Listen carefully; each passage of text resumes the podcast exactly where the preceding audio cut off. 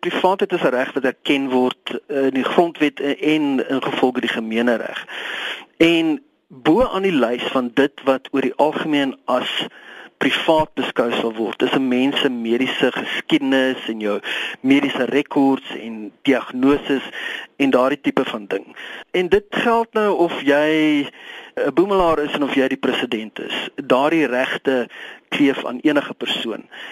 So ek dink dit is die uitgangspunt. Ou moet kyk na is dit privaat hierdie? En ek sal sê ja, ek dink so. Maar Nelson Mandela is 'n internasionale ikoon en 'n openbare figuur. Maak dit nie 'n verskil nie. Dit op sigself beteken nie dat hy sy privaatheid verloor oor goeie soos uh, mediese toestande en behandelings nie. So mense moet vra wat is dan die rede? Want mens kan iets publiseer wat wat beskou word as privaat nie, reg, maar daar moet 'n oorredende openbare belang wees. Jy weet jare terug het, het die media byvoorbeeld Mantu Shabalala Misimang se mediese rekords blootgelê.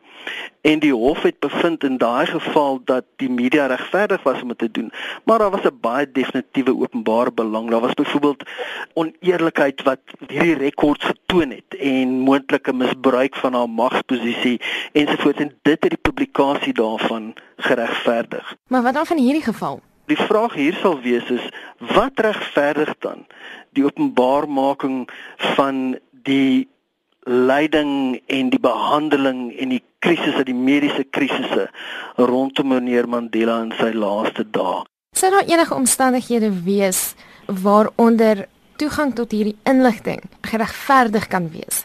Nou ja, vir argumente onthaalwe as dit byvoorbeeld wys dat daar was wesenlike wanvoorstelling gewees deur mense aan die publiek. Maar meer is dit, nie net wanvoorstelling nie, dat daar oneerlikheid was dat meneer Mandela nie behoorlike sorg of oordeelkundige sorg ontvang het in sy laaste dae nie.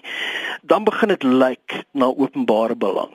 Maar daardie faktore moet duidelik blyk. En vryheid van spraak? Vryheid van spraak weet ons moet gebalanseer word altyd teen ander belange, soos soos menswaardigheid en privaatheid ensovoorts. So vryheid van spraak is nie ongekwalifiseerd nie.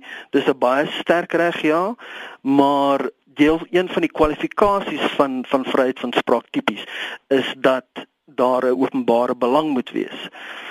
Wat vir my interessant is van hierdie saak is natuurlik kyk die reg op privaatheid is 'n persoonlike reg. Dit is 'n reg wat aan 'n individu kleef. En dit is nie 'n oordraagbare reg nie. So indien 'n persoon tot sterwe kom, dan sterf jou persoonlike reg tot privaatheid saam met jou.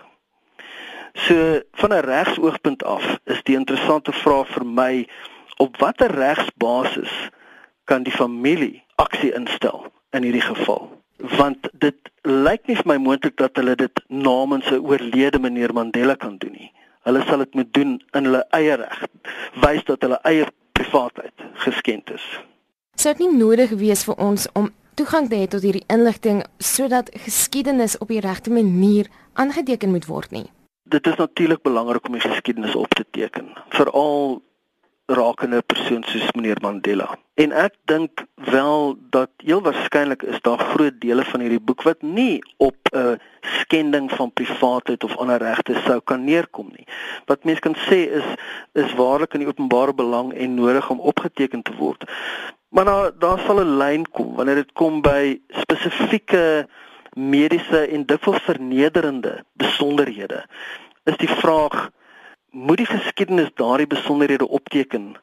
Is dit nodig vir die nageslag om dit te weet of kan jy die geskiedenis opteken sonder om daai tipe regte te skend?